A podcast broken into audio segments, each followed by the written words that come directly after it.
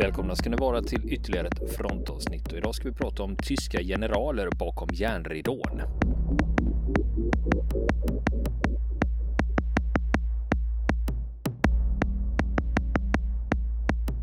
Ja du Niklas, då är vi tillbaks till överste Wilhelm Adam igen då. Ja, i sjätte arméns stav. Jajamän, så är det. Och eh, nu blir det nu kommer det, nu kommer det börja brinna i alla knutar här för honom. För eh, det, det som jag har översatt för er idag ur Adams egen bok, det handlar just om dagarna i november 1942 när sjätte armén hamnar i fällan. När ryssarna överraskande för tyskarna går till motoffensiv och eh, omringar sjätte armén. Och det här, det här utdraget ur hans memoarer som ni ska få höra, det har att göra precis med, med ögonblicket och detta sker. Och det, är, det är ganska spännande. Är, det. Um, är du med Robert? Sitter du ner? Ja, visst. Ja, nej, nej för det jag tänker på, ja. eh, om jag har förstått saken rätt, så var det väl, eh, eh, om jag drar mig till minnes bara det här, ur vad jag läst, att här var det när eh, eh, Sovjet tillämpade tysk blixtkrigstaktik.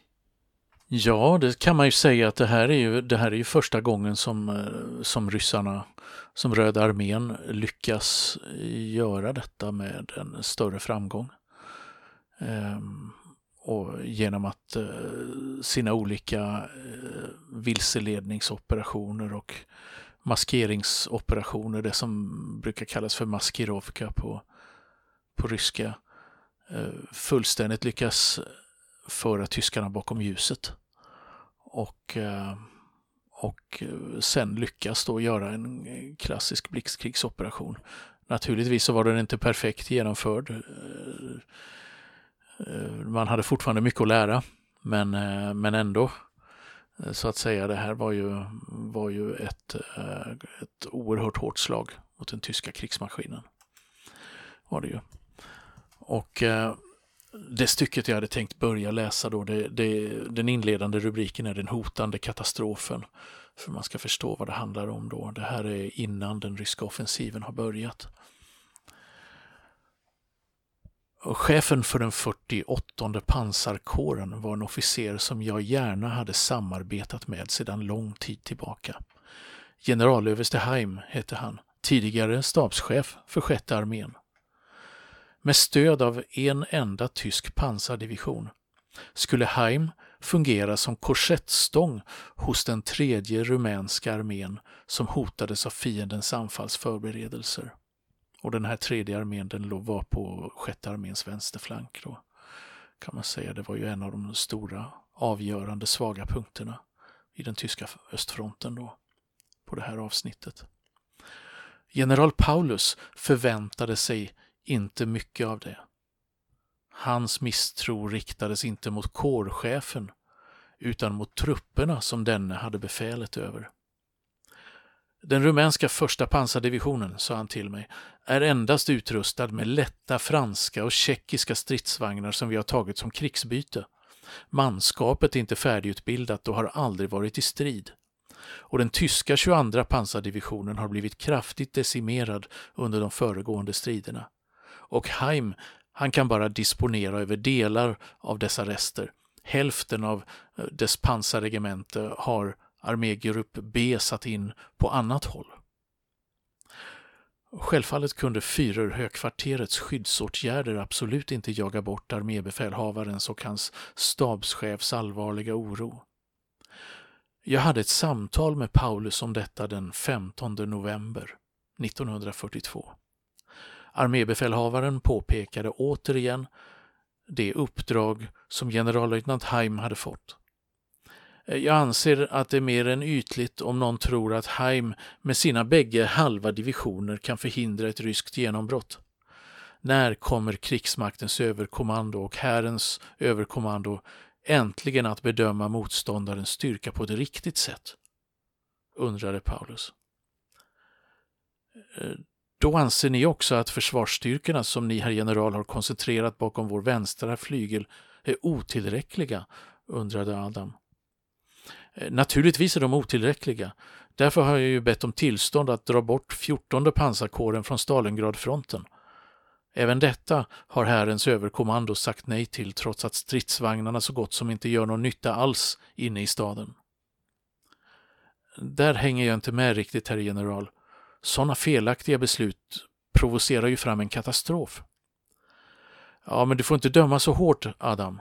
14 pansarkåren har fått order av mig att förbereda utdragningen av 16 och 24 pansardivisionens pansarregementen och pansarvärnsbataljoner så att de på min order, om så blir nödvändigt, genast kan sättas i marsch till vår vänstra flygel väster om Don. Men vad kommer att ske i söder? Kommer fjärde pansararmén hålla stånd om ryssen går till anfall? Egentligen är det ju inte alls någon pansararmé längre den har ju varit tvungen att lämna ifrån sig nästan alla sina stridsvagnsstyrkor och dessutom en hel infanteridivision. Men den har behållit de rumänska infanteridivisionerna som många gånger har stridit tappert men som är bristfälligt utrustade och beväpnade. Allt beror på fiendens styrka, svarade Paulus. Om fienden går till anfall med stora förband kan det inträffa en katastrof även i söder. Och även där befarar jag det värsta om den högsta ledningen inte skyndsamt för fram fulltaliga divisioner till oss. Men vi får inte låta någon panikstämning bryta löst. Ja, det förstår jag fullkomligt, herr general, men ska vi se på med armarna i kors när man lägger snaran runt halsen på oss, herr general? Våra divisioner klarar ju helt enkelt inte mer. Många av dem har inte ens halva stridsstyrkan kvar. Alla de här kommentarerna är inte till någon hjälp, Adam. Tänk på de många besvärliga situationer som vi redan har bemästrat under det här året. För övrigt är ni medvetna om orden från eh, Herrens Härens överkommando. Den är bindande för mig i egenskap av soldat. Av mina underställda kräver jag också att de ovillkorligen verkställer mina order. Och därmed var samtalet slut. Kvar fanns bekymren, även hos Paulus. Han arbetade rastlöst, kontrollerade, inspekterade och diskuterade. Av sig själv krävde han maximal arbetsprestation. Men med detta förändrade han inte mycket. Sjätte arméns öde avgjordes i Führerhögkvarteret och Paulus accepterade dessa befallningar därifrån. Den 16 november 1942 föll den första snön. En iskall vind blåste över steppen. Den mötte inget motstånd hos våra tunna fältgråa rockar. Inte heller skabb och tunna stövlar var direkt lämpade att ge skydd mot kylan. Egentligen hade man måste dra lärdomar av de dåliga erfarenheterna från vintern 1941-42 men i mitten av november hade sjätte armén fortfarande ingen lämplig vinterbeklädnad. Paulus hade begärt att få det redan då han insåg att operationerna i staden inte kunde avslutas före köldperiodens ankomst. Herrens generalkvartermästare delade vår armébefälhavares uppfattning. Hitler ansåg däremot att även på östfronten var den normala vinterbeklädnaden tillräcklig. Och framförallt höll den nazistiska hjälporganisationen NSV på med en grandios insamling av vintersaker åt soldaterna på östfronten, i vilken varje medborgare deltog. I själva verket var befolkningen redo att skänka alla möjliga persedlar som skyddade mot kylan och isvindar. I Tyskland fylldes stora lårar med dessa saker. Men när köldperioden började så plötsligt hos oss framför Stalingrad hade knappast någonting alls från den insamlingen ännu anlänt till fronten och bara lite grann hade kommit till det bakre området. Arméns överkvartermästare försökte påskynda transporterna med föga framgång eftersom transportmöjligheterna var små men avstånden mycket stora. Från Millerovo som var den sjätte arméns huvudsakliga underhållsbas, rapporterades att man hade mötts av en paradoxal anblick när man öppnade de första järnvägsvagnarna som var fyllda med vinterkläder. Jämte användbara ylle och stickade saker kom hundratals pälsrockar för damer, muffar, persianerkapéer och andra körsnärsvaror. Däribland väldigt dyra plagg som emellertid var helt värdelösa vid fronten. Tydligen hade man inte ens granskat och justerat persedlarna som befolkningen hade skänkt, utan vidare befordrat allt utan urskiljning. Trupperna fick se vad de själva kunde göra med de här sakerna. Stabschefen Schmidt rasade över detta slarv, men inte heller han kunde förändra något. De skyldiga satt någonstans i värmen i hemlandet, 2000 kilometer från Stalingrad. Divisionscheferna fick instruktioner om att enbart dela ut de få tjänliga vinterpersedlarna som fanns till de stridande trupperna. Och det räckte knappt till för var femte av våra soldater som huserade i skyttegravarna och de provisoriska bunkrarna på den norra fronten. Utan kaminer, utan bränsle till uppvärmning, mitt på den snöklädda steppen över vilken den bitande nordostvinden ohämmat svepte. Och under tiden hopades de alarmerande rapporterna hos arméstaben om framstötar från fiendens sida. Våra nerver spändes till bristningsgränsen. Ingen tvekan om att den sovjetiska motoffensiven var nära förestående. Vad skulle hända om den lyckades? Om elfte armékåren och den rumänska tredje armén inte höll försvarslinjen, vad skulle hända? Telefonen skramlade storm. Jag rycktes ur sömnen. Redan innan jag greppade telefonluren uppfattade jag ett fjärran dån. Trumeld, tänkte jag. Dagofficeren anmälde. Alarm, herr överste. Ni ska genast bege er till stabschefen. Det var början på den sovjetiska motoffensiven.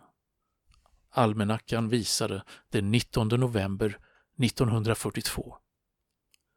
Jag tog på mig vapenrocken och stövlarna och skyndade till staben. Dit anlände precis officerare och soldater, vilka i likhet med mig hade skrämts upp ur sömnen. Stabschefen, generalmajor Schmidt, hade redan satt hela armén i högsta beredskap. Det hade blivit blodigt allvar. Förbi var väntans spänningsladdade dagar då våra artillerister och stridsvagnsskyttar låg försvarsberedda bredvid kanonerna. Våra infanterister laddade kulsprutorna för kontinuerlig eld och hade handgranaterna liggande klara bredvid sig. Strax efter mig kom armébefälhavaren in i rummet. Då ringde telefonen. Från Osinovskoje anmälde sig general Strecker. Här är djävulen lös, berättade Strecker. Våra ställningar utsätts för en otrolig trumeld. Marken blir bokstavligt talat sönderplöjd och vi har lidit betydande förluster. Det hårdaste slaget verkar emellertid träffa rumänerna. Jag ringde min vänstra granne, den rumänska fjärde armékåren, och dess stabschef var ganska pessimistisk. Han befarar att det ska utbryta panik hos hans trupper. Våra divisioner befinner sig på sina poster men kan nästan inte se någonting i denna snöblåst. Och vi fortsätter att hålla armén uppdaterad. Klart slut. General Paulus gav också Strecker följande orientering. För att skydda er vänstra flank har jag för avsikt att sätta in 14 pansardivisionen sydväst om Malaja Kletskaja. Ni kommer att få detaljerna så snart den fientliga anfallsriktningen är identifierad. Paulus la på luren, såg tigande på oss ett ögonblick och tog sedan telefonen på nytt. Koppla mig till armégrupp B. En officer i armégruppens stab mottog den första rapporten från sjätte armén om fiendens artilleriförberedelse.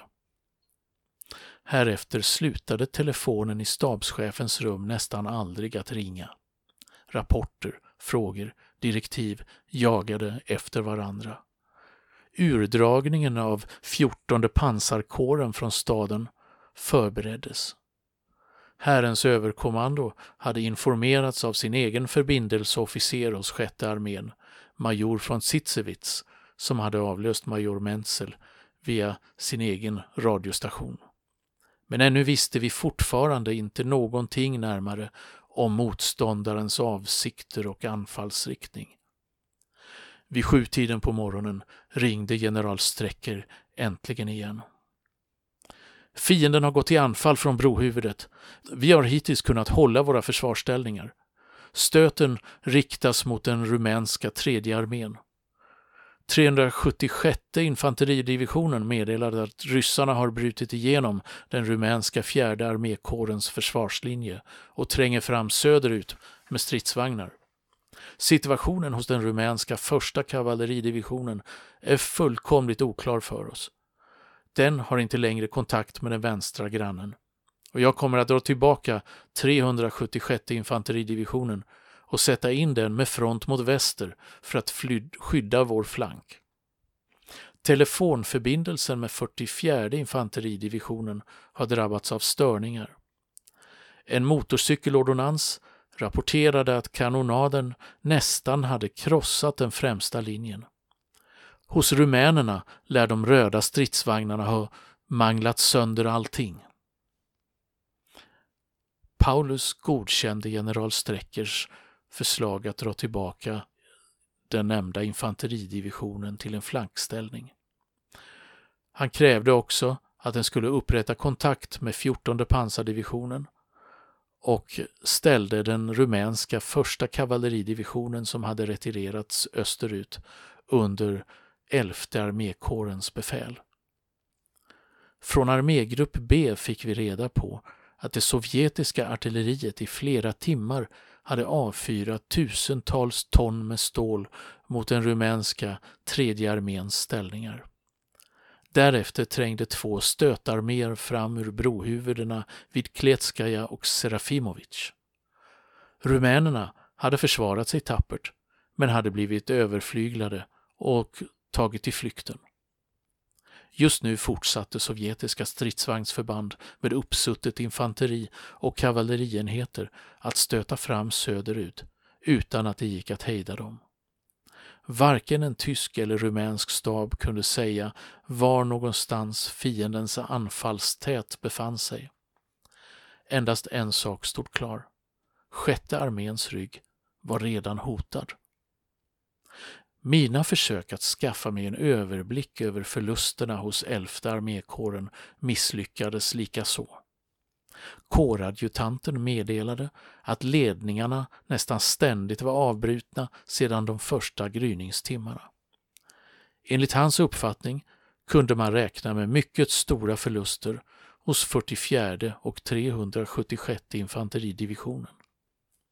För medlemmarna av arméstaben avlöpte den 19 november i ängslig väntan. Sedan hopade sig katastrofrapporterna timme för timme.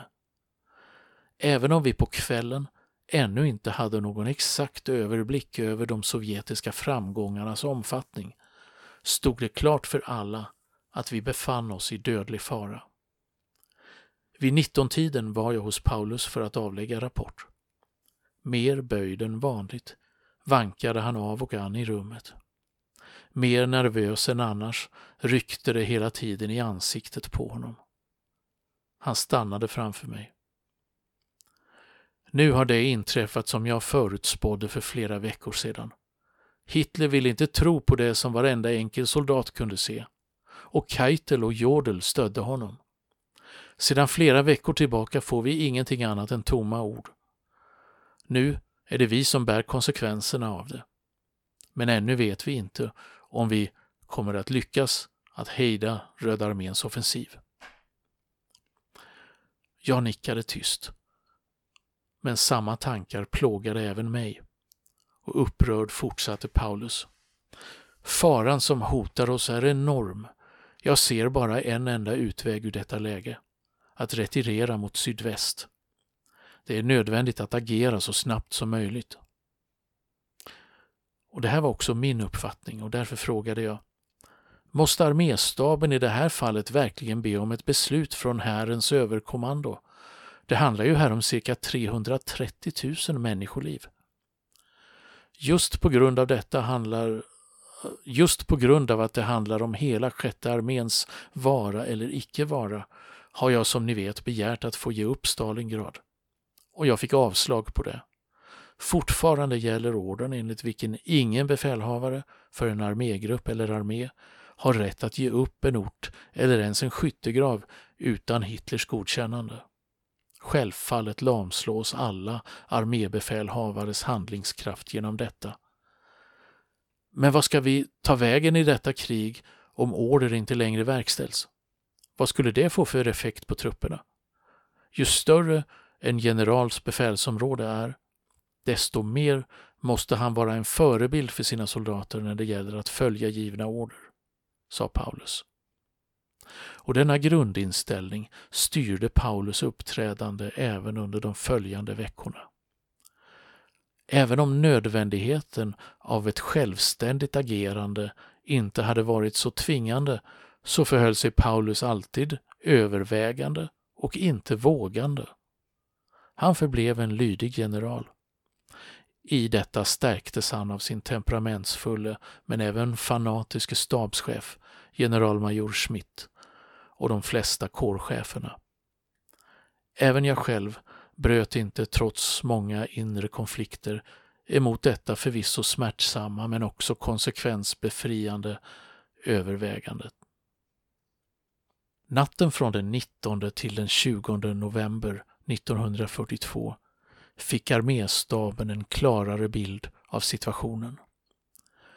Den 14 pansardivisionen rapporterade att fienden till kvällen den 19 november hade trängt fram med stridsvagnar och kavalleri cirka 30 kilometer in i det bakre området. Den divisionens artilleriregemente avvärjde redan häftiga anfall.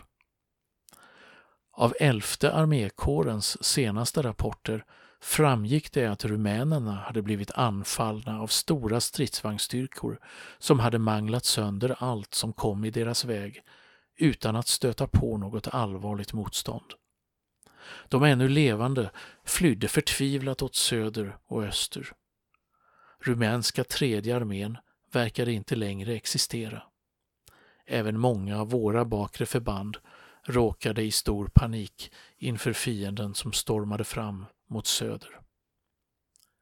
Det stod klart att ingen i staben den här natten kunde tänka på att sova.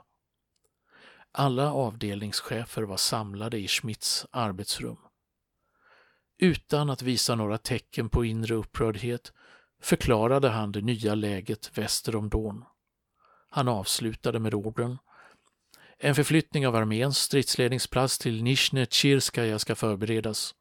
Det kommer också en order om förintande av alla dokument som kan undvaras, i synnerhet de hemligstämplade. Schmidts optimism och sprudlande energi kontrasterade i denna situation särskilt tydligt mot den under ansvarets tyngd plågade Paulus. Stabschefen stod främmande inför sin befälhavares samvetskonflikt. Han var i sitt rätta element.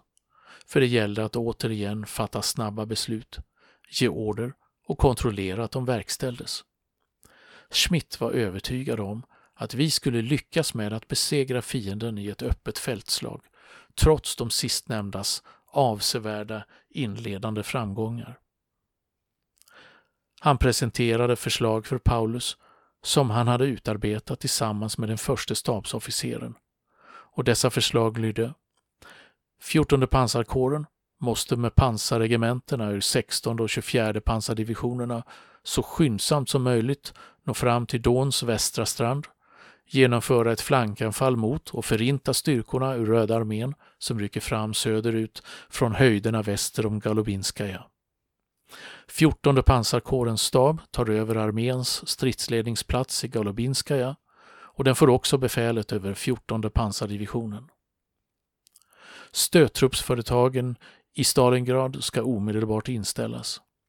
Alla disponibla trupper dras ut ur 8 och 51 armékårernas front för att bli sjätte arméns reserv. Brohuvudet på Dons västra strand, väster om Kalac, ska bemannas av ingenjörstrupps och luftvärnsskolorna, förstärkta av allt manskap som kan undvaras ur etapptjänsterna, under befäl av överste Mikos. Officersskolan i Suvorovski håller sig marschklar. Arméstaben omgrupperas den 21 november till Nizjne Chirskaja. Överste Adam är ansvarig för verkställandet. Sårade och icke nödvändiga underhållsförband förflyttas till området söder om Chir eftersom det ryska anfallet hotar järnvägslinjen och därmed den huvudsakliga underhållsvägen. Paulus godkände dessa förslag. Orderna skrevs och skickades till enheterna. Och där tänkte jag att vi lämnar Adam för den här gången.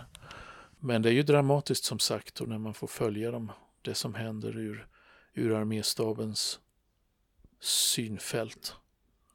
Ja, sen är det ju alltid lite skillnad. Alltså, det är ju en skillnad på en stabsofficer och eh, om man jämför med en frontsoldat. Ja, självklart. Eh, alltså på hur mm, snacket går och vad som sker liksom. Och hur de upplever saker och ting. Jo, självklart. Det här är ju på en helt annan nivå. Det är... mm. Vi brukar ju å andra sidan, när vi, när vi drar grejer så brukar det ofta vara väldigt mycket pang-pang och handgranater och liksom eh, åla fram under taggtråden och sådana saker. Här är det ju en mm. helt annan nivå.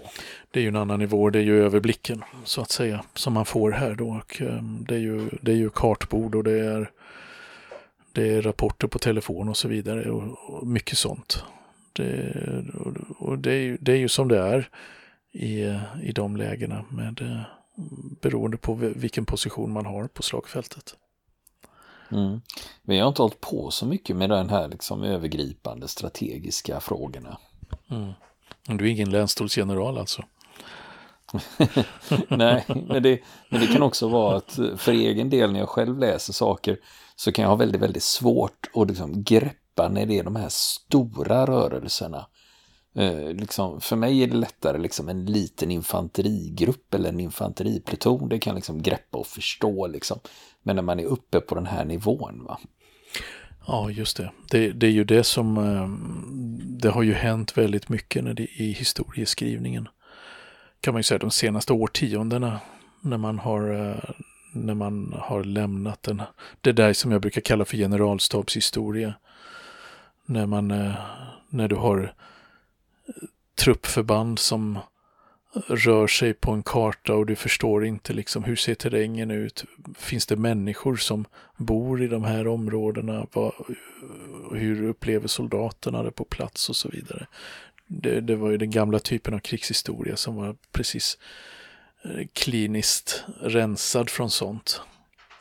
Annat än man, där det nästan framställs som ett schackparti. Mm. Och det, det, har man, det har man ju lyckligtvis, i alla fall när det gäller förståelsen för den mänskliga sidan av slagfältet, lämnat, lämnat bakom sig. Då, så att man, man liksom får i de, i de bästa skildringarna både helikopterperspektivet och, och äh, även en, en uppfattning om hur sjutton var det där framme i mitt i elden så att säga. Ja, men det är hur som helst intressant att höra från det här perspektivet. Och just när det är just också det att det är ögonvittnet va? som är där och upplever det här och hör det här och minns det här och sen har skrivit ner det. Precis. Och, och just i, som vi säger, de här som till exempel det här avsnittet som vi har gått igenom just nu. Så det är, det är ju inte så mycket ideologi så att säga, det, i den här redogörelsen som, som skrevs då under kommunisttiden i DDR då, att den, den är, det, är, det är förvånansvärt lite av eh, liksom den, eh, ja, kommunistiska partiideologin som har letat sig in i just de här textavsnitten. Utan här, här märker man ju att det, det fortfarande att det är, det, det är en överste från Wehrmacht som, som talar, så att säga. Mm. Och eh, det, det, gör ju att det, den har eh, den här, den här boken med hans redogörelse fick en viss trovärdighet också. eh, även bland krigshistorier på andra sidan järnridån i väst. Mm. Och, Men nästa vecka blir det Stalingrad då? Då, alltså. då är vi inne i Stalingrad, yes. Mm. Och, ja, men det ska och, bli spännande. Ja, och, och, efter avsnittet om Stalingrad så ska vi prata lite om den ryska krigsfångenskapen och, och uh, hans, uh, hans väg från att vara krigsfånge till, till att bli uh, en tjänare i den nya kommunistiska staten då, som uppstod i Östtyskland efter, efter kriget. Ja, men då ser vi fram emot det. Ja, så blir det. Vill ni komma i kontakt med oss så kan ni göra det via vår Facebook-sida som heter Fronten. Det är inga problem för er att leta er fram där. Eller också så mejlar ni på vår mejladress och det är frontenpodcast.gmail.com.